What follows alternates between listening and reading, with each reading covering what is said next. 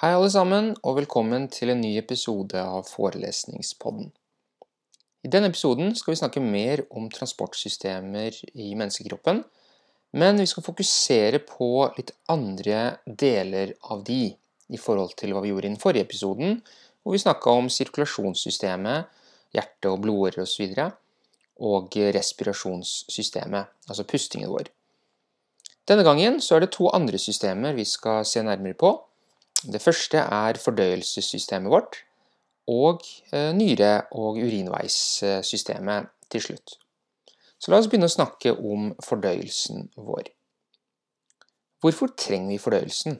Det er jo på en måte litt åpenbart, men samtidig så er det verdt å tenke litt over hvorfor vi trenger at det er så sofistikert og detaljert og avansert. Nå er det sånn at maten vi spiser og det vi drikker, inneholder jo mange næringsstoffer. Særlig hvis vi har et godt og variert kosthold, så får vi i oss proteiner, karbohydrater, fettstoffer, diverse vitaminer, sporstoffer, mineraler. Og alt dette her er jo i ulike forpakninger, la oss kalle dem det. Kjøtt, grønnsaker, fisk i det hele tatt. Og de fleste av disse næringsstoffene er bundet i større molekyler. Kroppen vår klarer ikke å ta opp veldig svære molekyler, og klarer ikke å nyttiggjøre seg av dem direkte. Så vi trenger et godt fordøyelsessystem for å bryte ned alle disse stoffene ned til eh, små byggesteiner, de minste bestanddelene, ikke helt ned på atomnivå, men på små molekyler på det nivået, sånn at kroppen kan ta det opp og gjøre noe fornuftig med det. Så fordøyelsessystemet vårt er egentlig som et langt, sammenhengende rør med spesialområder underveis, hvor de ulike næringsstoffene brytes ned og etter hvert tas opp, og hvor avfallet skilles ut. Det begynner med munnen, der vi tar maten inn, og det avsluttes med endetarmåpningen, hvor vi skiller ut det vi ikke har behov for fra den maten vi spiser. Og underveis så er det da ulike områder hvor de ulike næringsstoffene blir brutt. Og det er ganske viktig, fordi ulike næringsstoffer har litt ulike krav for eh, nedbryting. Så vi kan ikke bryte ned alt på samme sted. Da får vi kanskje bryte ned noe av det, men ikke alt. Og poenget er jo at vi vil ha et fordøyelsessystem som er veldig effektivt, sånn at vi får tatt opp næringen, eller mesteparten av næringen som er i maten vi spiser. Så la oss ta det fra toppen og snakke litt om anatomien til fordøyelsesorganene våre, eller fordøyelsessystemet, da, som det helhet. Så vi har munnen vår, og i munnen så har vi tenner som gjør sitt, og vi har også spyttkjertler som produserer spytt. Etter munnen så kommer vi ned til svelget, og svelget glir over til spiserøret, som eh, munner ut til magesekken. Magesekken munner ut til tarmsystemet, den øverste delen av tarmsystemet, det som er rett etter magesekken, kaller man tolvfingertarmen. Etter tolvfingertarmen så har vi tynntarmen, etter tynntarmen tykktarmen, og etter eh, tykktarmen endetarmen, og til slutt endetarmsåpningen. Maten vår blir ført gjennom alle disse områdene ved hjelp av muskelaktivitet underveis. Så rundt spiserøret og alle disse organene jeg nevnte, så er det glatt muskulatur, altså ikke viljestyrt muskulatur, som presser innholdet, altså maten vi spiser, nedover og videre gjennom tarmkanalen. Så vi er ikke avhengig av eh, gravitasjonskreftene for dette her. Vi, vi trenger ikke å stå opp og spise, vi kan ligge og spise, vi kan uh, til og med stå på hodet og spise. Ikke at det er så veldig lurt, men det går an. Det er muskelbevegelser som transporterer maten nedover og gjennom systemet. Vi kaller disse muskelbevegelsene for rytmiske, fordi de er ikke tilfeldige, de går i en rytme, så at maten presses forsiktig nedover og ikke tilbake. Et fagbegrep på disse rytmiske muskelbevegelsene er peristaltikk. Man sier peristaltiske bevegelser. Så la oss kikke litt på hva som skjer i de ulike områdene underveis. Så i munnen så skjer noe av det mer åpenbare, eh, og noe av det skjulte til og med, som vi kanskje ikke har hørt så mye om før. Men det åpenbare er jo hva tennene våre gjør. Vi tygger, og vi deler opp maten i mindre biter. Og fordelen med det er jo at vi øker overflaten på maten, sånn at det blir lettere for å fordøye den seinere i fordøyelsessystemet. En annen ting vi gjør, eh, er at vi blander maten med spytt som kommer fra spyttkjertlene. Og det smører maten, så den lettere glir nedover eh, videre. Og til og med så produseres det et eh, enzym som skilles ut i spyttet. Og enzymer er generelt veldig viktige i fordøyelsessystemet. Enzymer katalyserer, de, de får kjemiske reaksjoner til å skje. Og i eh, fordøyelsen så har vi en del, eh, la oss kalle dem klippeenzymer, som deler store molekyler opp i mindre molekyler. Så et sånt enzym som vi har i eh, spyttet vårt, heter amylase. Amylase er et enzym som klarer å bryte ned store, kompliserte polysakkarider, altså det er da kompliserte karbohydrater, til mindre enheter kanskje fra eh, sant, et gigantisk molekyl med massevis av monosakkarider til da um, karbohydrater som består av 2-3-4 uh, monosakkarider, som uh, gjør at det seinere kan fordøyes enda lettere til endestasjonene, som er monosakkarider. Så du kan si at i munnen så begynner den kjemiske fordøyelsen allerede. Munnen er ikke bare et sted hvor du tygger, det er også et sted hvor du faktisk fordøyer noe av det. Så du tygger, du smører, du fordøyer litt av karbohydratene, og så svelger du eh, innholdet. Og det blir da dytta nedover til magesekken gjennom spiserøret. Og der har du disse rytmiske muskelbevegelsene, altså ikke viljestyrt muskulatur, som trykker maten forsiktig nedover. Når maten kommer da nedover mot enden av spiserøret, så renner den over til eh, eh, magesekken. Og magesekken eh, kan du se på som en pose. Det kalles en ventrikkel, litt sånn faglig, på engelsk også. Hvor ventrikkel er gjerne liksom, et begrep som man bruker om ting som er hule, og en slags pose da, hvor, hvor du kan ha en del innhold og ting kan skje. Så i magesekken så er det et par viktige ting å få med seg her. Vi har celler på innsiden av magesekken som er spesialiserte, som produserer litt ulike ting. Og to av de tingene som er viktige å få med her, er um, nummer én uh, saltsyre, eller altså kalt magesyre, som gjør at mage, magesekkinnholdet blir veldig surt. Eh, og det er viktig for to ting. Eh, det ene er å ta livet av en del mikroorganismer som vi ikke ønsker skal måtte, få fotfeste i kroppen vår. Syre er eh, god på det. Og det andre er at syre hjelper til i fordøyelsen av næringsstoffgruppa proteiner. Men syra kan ikke gjøre det helt alene. Så vi har andre spesialiserte celler i magesekken som produserer og skiller ut et enzym som heter pepsin, som eh, har som oppgave å klippe opp proteiner til mindre eh, peptider, som man kaller det, som består av noen få aminosyrer istedenfor veldig mange. Eh, så pepsin er et veldig viktig enzym i fordøyelsen av proteinene. I magesekken så er maten en god stund, og den blandes og, og eltes nærmest, for du har muskulatur på utsiden av magesekken som gjør dette her. Og etter en stund så går da innholdet fra magesekken videre til tarmsystemet. Og første delen av tarmsystemet er denne tolvfingertarmen. Det, er en slags eh, litt sånn spesialisert del av tynntarmen, sier mange. Ehm, men den har et eget navn, da, tolvfingertarmen, og det har litt med hvor lang den er eh, å gjøre.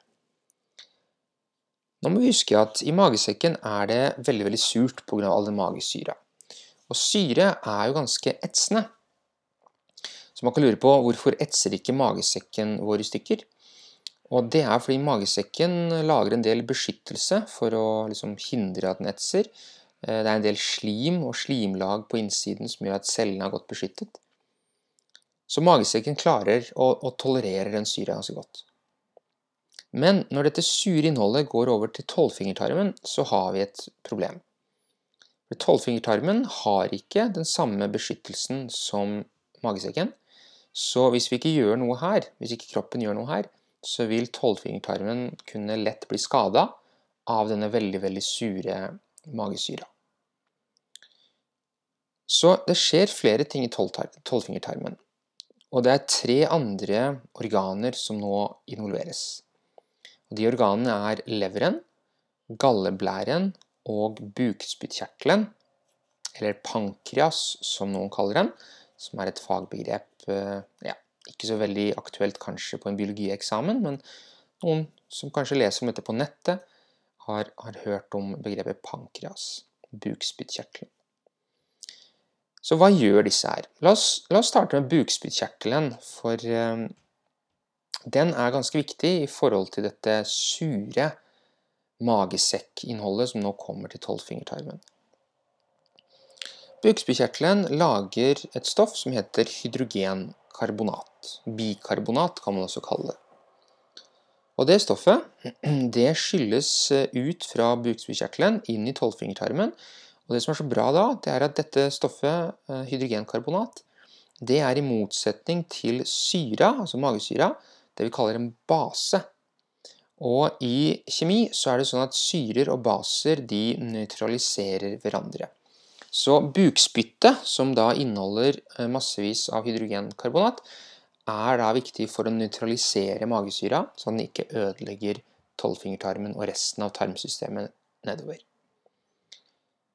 Så i tillegg til dette her, til den superviktige funksjonen å nøytralisere magesyreinnholdet, så lager også bukspyttkjertelen et eh, enzym som heter lipase.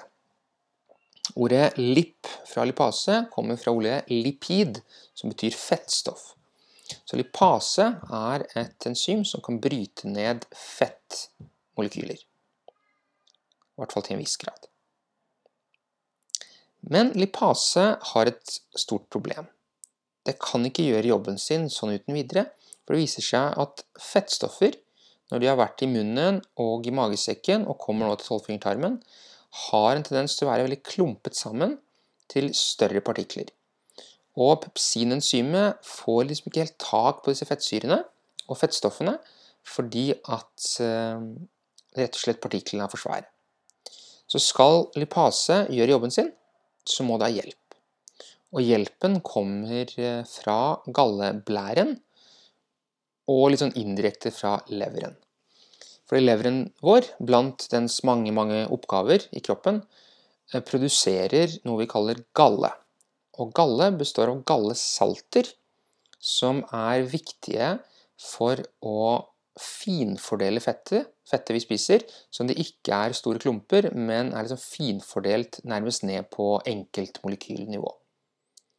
Så leveren lager disse gallesaltene, og transporterer da de til ehm, galleblæren, som basically er en pose hvor gallesaltene oppholder seg.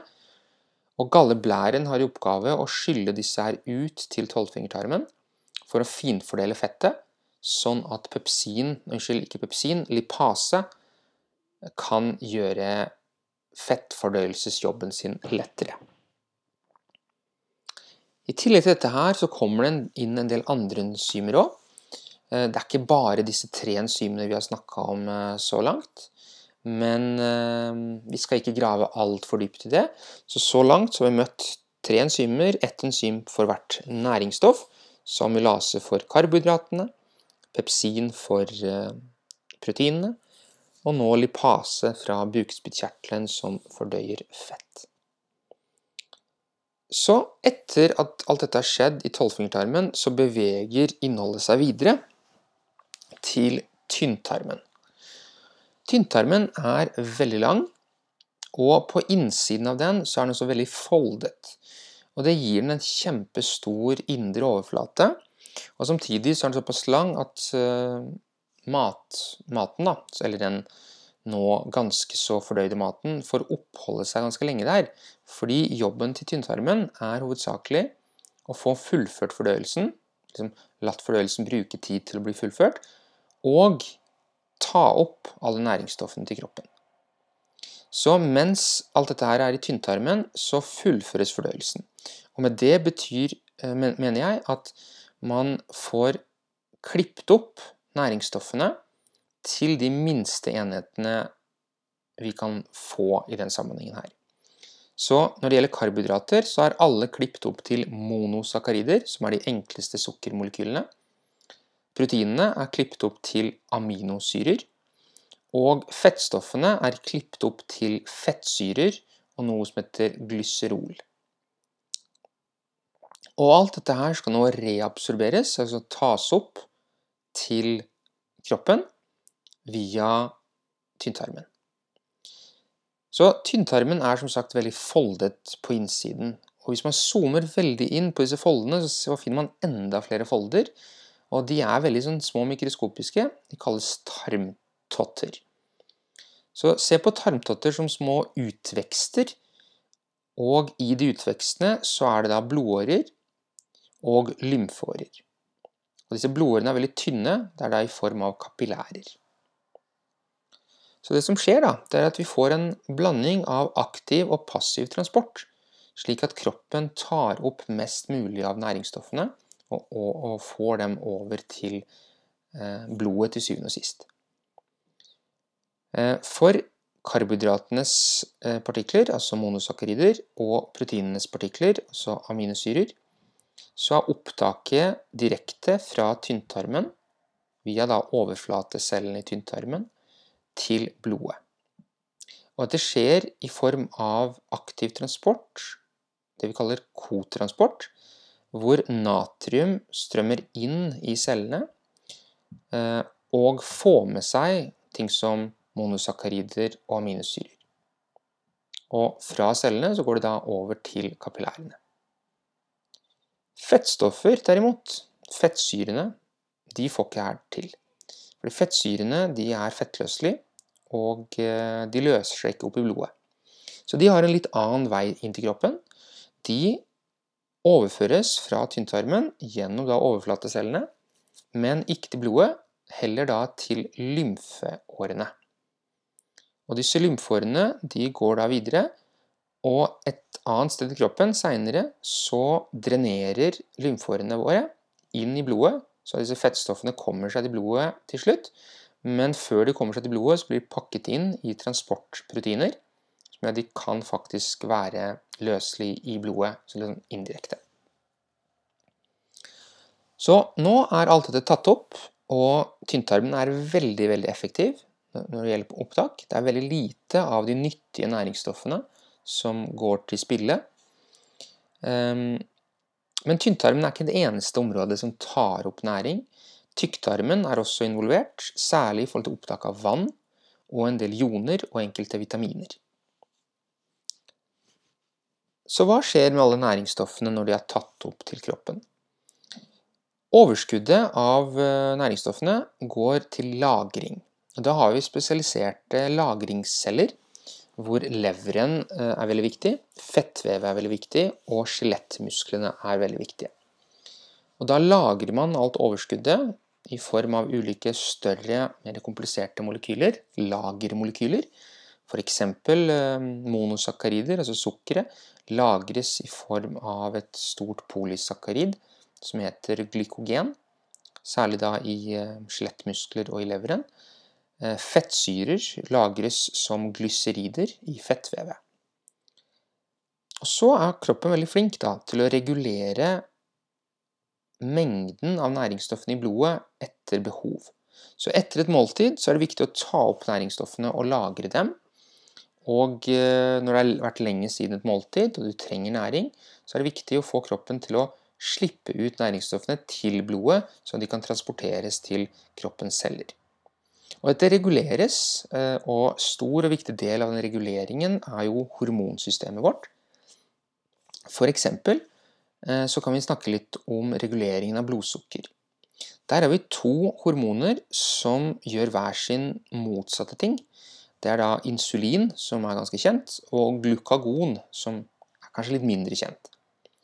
Så insulin er et, et hormon som eh, slippes ut av, um, fra liksom kjertlene. Eh, slippes ut da av bukspyttkjertelen, for å være veldig presis. Og insulin signaliserer om opptak av glukose og lagring av glukose i leveren og skjelettmusklene. Så etter et måltid så slippes det ut mye insulin i blodet for å få den lagringsprosessen til å, til å komme i gang. Når kroppen skal slippe ut glukose til blodet, la oss si at blodsukkeret blir for lavt, og så må du ha mer blodsukker eh, over da til blodet, så skilles det ut eh, da det andre hormonet, glukagon, også fra bukspyttkjertelen, og glukagon signaliserer til at man bryter ned eh, sukkerlageret og frigjør sukkeret til blodet. Så se på insulin og glukagon som to liksom, brytere. Insulin er lagringsbryteren, og glukagon er på en måte forbruks- eller skille ut til blodet-bryteren. Og sammen så vil dette insulin- og glukagonsystemet sørge for at vi har et veldig stabilt nivå av næringsstoffer i blodet. Og så har du tilsvarende eh, systemer som passer på at eh, nivået av fett og nivået av eh, aminosyrer er relativt konstant i blodet, sånn at kroppen hele tiden har tilgang på disse næringsstoffene. Men samtidig er det viktig å ikke ha altfor høye verdier av dem i blodet, for det kan også føre til en del negative konsekvenser for kroppen. Et godt eksempel på det er jo diabetes, hvor man sliter veldig med sukkerreguleringen og får ofte veldig høye konsentrasjoner av sukker i blodet, som kan ha kjempeskadelige effekter på, på kroppen, eh, og til og med være dødelig eh, hvis det går for langt uten medisinsk tiltak. Så dere, da har vi eh, brukt litt tid nå og blitt godt kjent med fordøyelsessystemet vårt. Ehm, det vi skal snakke om nå i eh, siste del, eller neste del eh, av denne episoden, det er urinveissystemet vårt. Eh, for det er veldig viktig for å ehm, skille ut en del avfall og regulere sammensetningen av stoffer i blodet og i vevsvæskene generelt. Ok, så La oss snakke litt om urinveissystemets anatomi. Basically så snakker vi om nyrene. Og noen strukturer som er tilknyttet nyrene som kommer i ettertid, men det er i nyrene urinen produseres. Og nyrene er utrolig viktige for oss. De er viktige for at vi skal kunne få skilt ut f.eks. overskudd av vann, overskudd av salter, overskudd av avfall, særlig nitrogenholdig avfall, gjerne i et stoff som heter urea, og rett og slett andre avfallsstoffer. Så nyrene er helt avgjørende for å filtrere blodet vårt, kan du nærmest si, og fjerne det som er unødvendig eller er i, i for store mengder i blodet til en, et gitt tidspunkt. Så nyrene er veldig viktige for regulering av sammensetningen og ikke minst volumet av både blodplasma, altså væsken i blodet, og vevsvæsken sånn ellers eh, mellom cellene våre. Så vi har to nyrer i kroppen vår. Vi klarer oss egentlig ganske greit med én, men vi har nå to. Og eh, kroppen eh, kan gjøre ting litt mer effektivt ved å ha to nyrer jobbende på liksom, deltid enn én nyre på heltid. Så selv om vi klarer oss med én nyre, så er det ikke noe sånn at det er like bra nødvendigvis. Iallfall. Vi har to nyrer, og de er på sånn ca. 10 cm i lengde.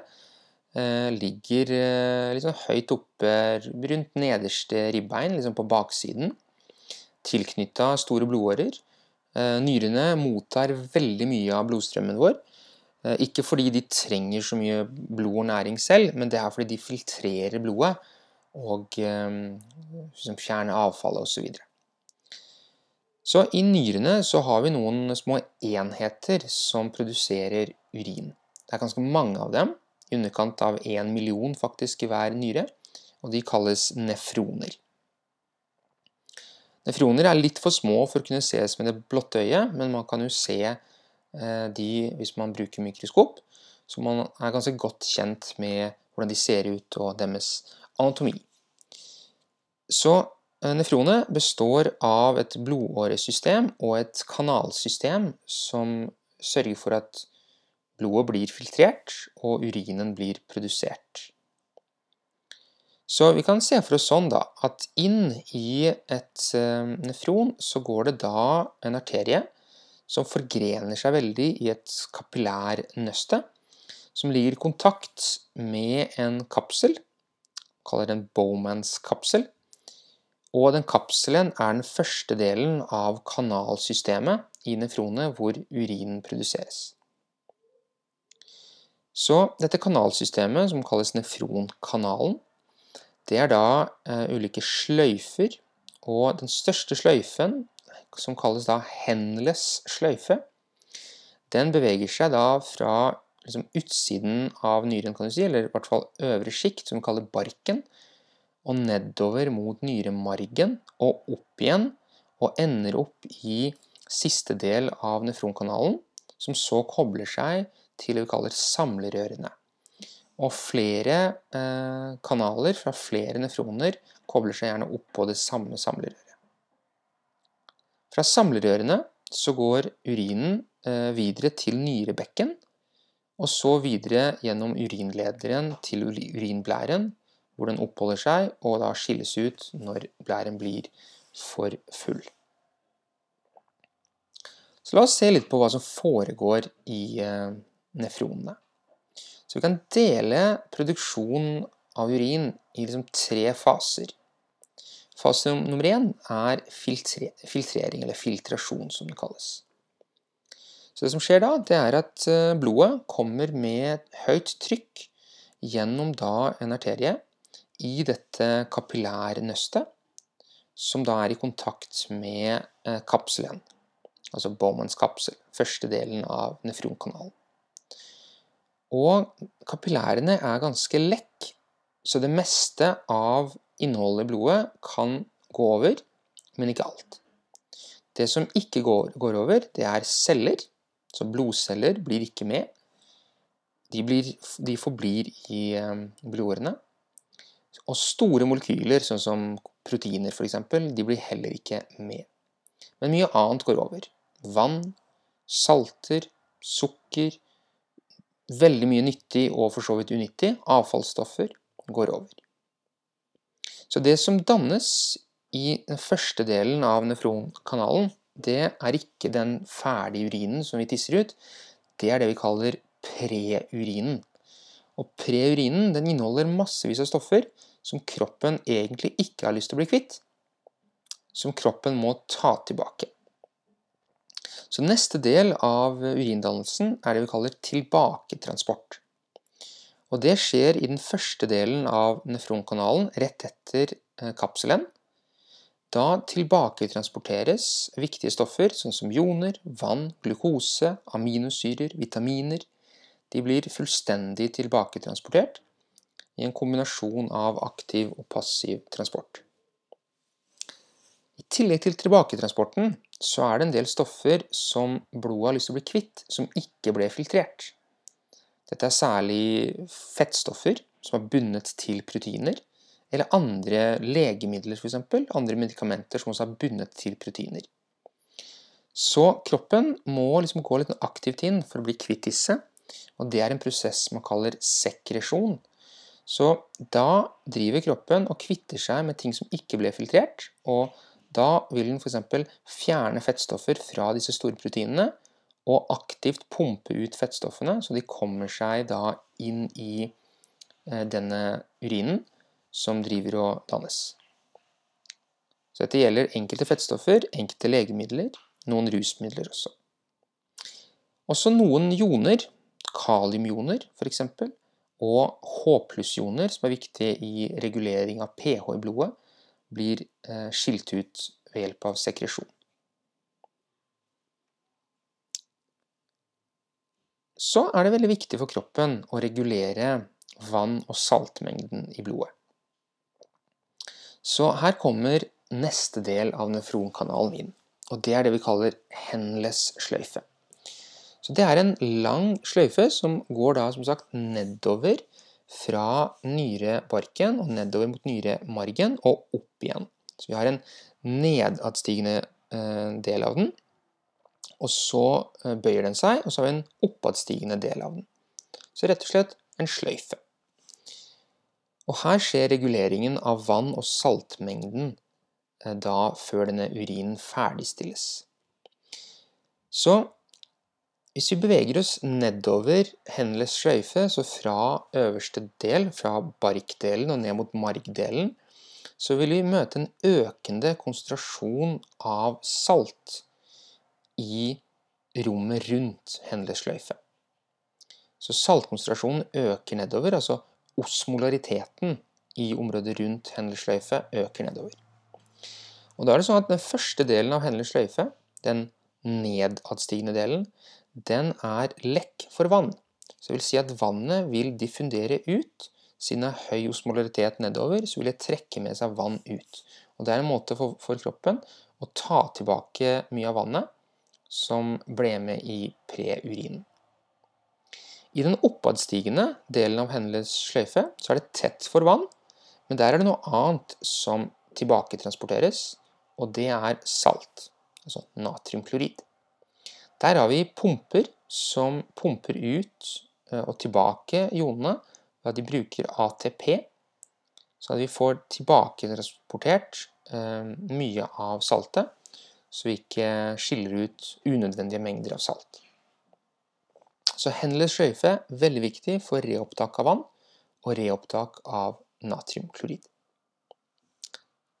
For igjen bare understreke det. Reopptak av vann skjer i den nedadstigende delen. Det er da passiv transport, diffusjon. Og reopptak av salt i den oppadstigende, aktiv transport, drevet av ATP, energikrevende.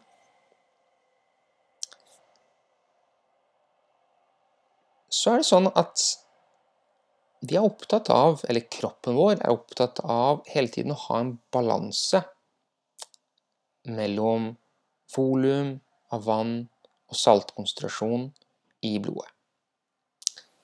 Og Da har vi to hormoner som jeg har lyst til å snakke litt om her, som er viktige i reguleringsprosessene for opptak av vann og salt. Et hormon som heter ADH, antidiuretisk hormon som produseres av hypofysen vår i hypofysebaklappen. Teknisk sett så produseres hormonene i hypotalamus, og så skilles det ut da eh, nede i hypofysens baklapp. Det hormonet eh, regulerer vannreabsorpsjon. Fordi etter hendelig sløyfe så går jo da Eh, nefronkanalen over til samlerørene, eller samlekanalene som det heter. Samlerørene har noen akvaporiner, altså vannkanaler, kan vi si, eh, som gjør at vann kan lekke tilbake til kroppen gjennom. Det er ikke aktiv transport av vann, men det er en passiv transport. Eh, samtidig er det sånn at jo flere av disse eh, akvaporinene du har i disse cellene, samlerørene, jo mer vann vil bli tilbakeabsorbert. Så her kommer dette ADH-hormonet inn. Hvis kroppen merker at blodvolumet er eh, lavt, vi har for lite vann i kroppen, vi er liksom dehydrerte, så vil det gå signaler til hypotalamus som produserer ADH, skiller det ut fra hypofysens bakklapp. Dette hormonet vil spres gjennom blodet, og så vil det fungere på cellene i disse samlerørene. Og det vil stimulere cellene til å sette inn flere akvaporiner, altså vannkanaler, i cellemembranene, så at mer vann blir reabsorbert. Og når vannmengden har gått opp og blitt det skal, som er riktig for kroppen, så stopper produksjonen av ADH, eller i hvert fall den reduseres, så vi kommer i balanse igjen. Så antidiuretisk hormon heter det. Og Man kan også oversette det og kalle det et antitissehormon. Egentlig så er det et antitiss-produserende hormon, altså tiss som i urin. Um, og en ting man kan nevne her, er hvordan andre stoffer påvirker dette her. F.eks. alkohol uh, og koffein. En ting som skjer når man drikker mye koffein, er jo at man må tisse mye. Samme gjelder alkohol veldig ofte. Og det er for disse driver og hemmer ADH-hormonet. Og hvis du hemmer ADH-hormonet, så blir mindre vann reabsorbert i kroppen. Mer vann går ut gjennom samlerørene og til, eh, til syvende og sist da, urinblæra og ut av kroppen. Så, så, derfor er koffein og alkohol veldig dehydrerende, siden vi produserer mer urin enn det vi strengt tatt har godt av for kroppen vår. Det andre hormonet jeg har lyst til å snakke litt om her, er et viktig hormon for regulering av salt, eller natrium da, i utgangspunktet, men med natrium så følger også klorid. Og det hormonet heter aldosteron. Det er et eh, fettløselig hormon, i motsetning til ADH, som er eh, vannløselig. Så aldosteron eh, skilles ut fra binyrene. Og det skilles ut som en reaksjon på for lav natriumkonsentrasjon i Eh, blodet og i kroppen generelt. Så det som skjer, det er at natrium eh, Man merker liksom at oi, her er det litt for lite natrium. Det går signaler til binyrene. De produserer og skiller ut alesteron. Alesteron påvirker da den øvre delen av samlerørene særlig. Akkurat overgangen liksom fra, fra eh, nefronkanalen til samlerørene. Til å produsere og sette inn i membranen flere natrium-kalium-pumper. Så da får du flere natrium-kalium-pumper som pumper tilbake salt, altså natrium, fra urinen, preurinen, tilbake til blodet. Og når saltkonsentrasjonen blir riktig igjen, så reduseres aldosteronproduksjonen, og kroppen er igjen i balanse. Så dere ser at i, rundt disse samlerørene så har kroppen, eller nyrene i kroppen, en eh, veldig god, eh, et godt vindu for å regulere både volumet og saltsammensetning, eller saltkonsentrasjonen. Og det er viktig i et, et, et, større bilde også, med tanke på regulering av blodtrykk. For noe som er viktig for regulering av blodtrykk, er nettopp salt og vann. Mye salt, som betyr ofte mye vann, i blodet, betyr høyt blodtrykk. Lite salt, lite vann, lavere blodtrykk. Så nyrene er essensielle for blodtrykksreguleringen, bl.a. via disse hormonene jeg nevnte. Når urinen har passert eh, da samlerørene, så renner den da videre til nyrebekken og til, gjennom urinlederen til urinblæren. Og i urinblæren så kan man ikke endre urinens sammensetning noe mer. Urinblæren er bare et eh, oppholdssted, sånn at urinen samler seg, og når urinblæren er full nok, så må vi på do og tisse. Og det kan vi kanskje snakke om helt på slutten her. Hvordan er det det fungerer? Det å tømme urinblæra, altså transportere urinen ut av kroppen, for å si det veldig faglig, det å tisse, det er både autonomt, men også viljestyrt. Så la oss ta den autonome delen, altså den som kroppen måte gjør av seg selv uten at vi må tenke over. Så i urinblæren så har vi strekkreseptorer. Vi har sanseceller med strekkreseptorer. Så når urinblæren blir for full, eller over en viss, et visst volum, så strekkes urinblæren, og da vil disse strekkreseptorene i de sensoriske eh, cellene merker dette her, og de sender da signaler til ryggmargen. Ryggmargen sender signaler til glatte muskelceller i urinblæren, som får de til å begynne å jobbe, og begynne å presse da urinen ut gjennom urinrøret. Dette er da autonomt. Eh, den delen av autonome systemet som tar seg av dette her, er det parasympatiske systemet. Men eh, dette virker jo litt rart, da. Fordi det virker som at idet blæra blir full, så blir det et autonomt press, altså ikke-viljestyrt press, og så renner urinen ut. Det skjer jo hos små barn, men ikke hos større barn og hos voksne, i hvert fall normalt. Fordi vi har en viljestyrt del her også. Så akkurat i overgangen mellom urinblæra og urinrøret, så har vi en lukkemuskel som er under viljestyrt motorisk kontroll fra hjernen. Og den kan vi på en måte presse på, eller få til å trekke seg sammen, og hindre at urinen renner ut når vi liksom føler at vi må tisse, men er ikke helt klare for å liksom, Doen er ikke helt der. Og det har vi en viss kontroll over, ikke sant? Så, så rett og slett, når, når kroppen merker at urinblæra er for full, og disse urinblæremusklene begynner å liksom presse urinen ned, så går det også signaler til hjernen, til den motoriske barken, som får da denne lukkemuskelen til å trekke seg sammen. Og det hindrer at urinen kommer ut. Og vi kan da holde igjen. Vi har, vi har god viljestyrt kontroll over denne lukkemuskelen, så vi kan holde igjen. Men det er klart, når trykket blir altfor, altfor stort, så vil jo tisset renne ut til slutt. Så vi har et tidsvindu. Det har vi vel blitt godt kjent med i livet. Vi kan ikke holde oss i evig tid. Vi kan holde oss en stund, men til slutt så må vi på do, eller så tisser vi i buksa. Små barn har dette problemet eh, at de har ikke denne viljestyrte mekanismen ferdigutviklet ved fødselen. Så derfor må de liksom bruke bleier, og vi må passe litt på dem. Eh, og dette pleier liksom å utvikle seg sånn gradvis eh, mot skolealder. Og de fleste barn har dette noenlunde godt på plass i løpet av liksom første andre klasse. Men noen uh, sliter jo med ufrivillig urinlating videre opp i, gjennom, gjennom uh, oppveksten, i barneskolen særlig.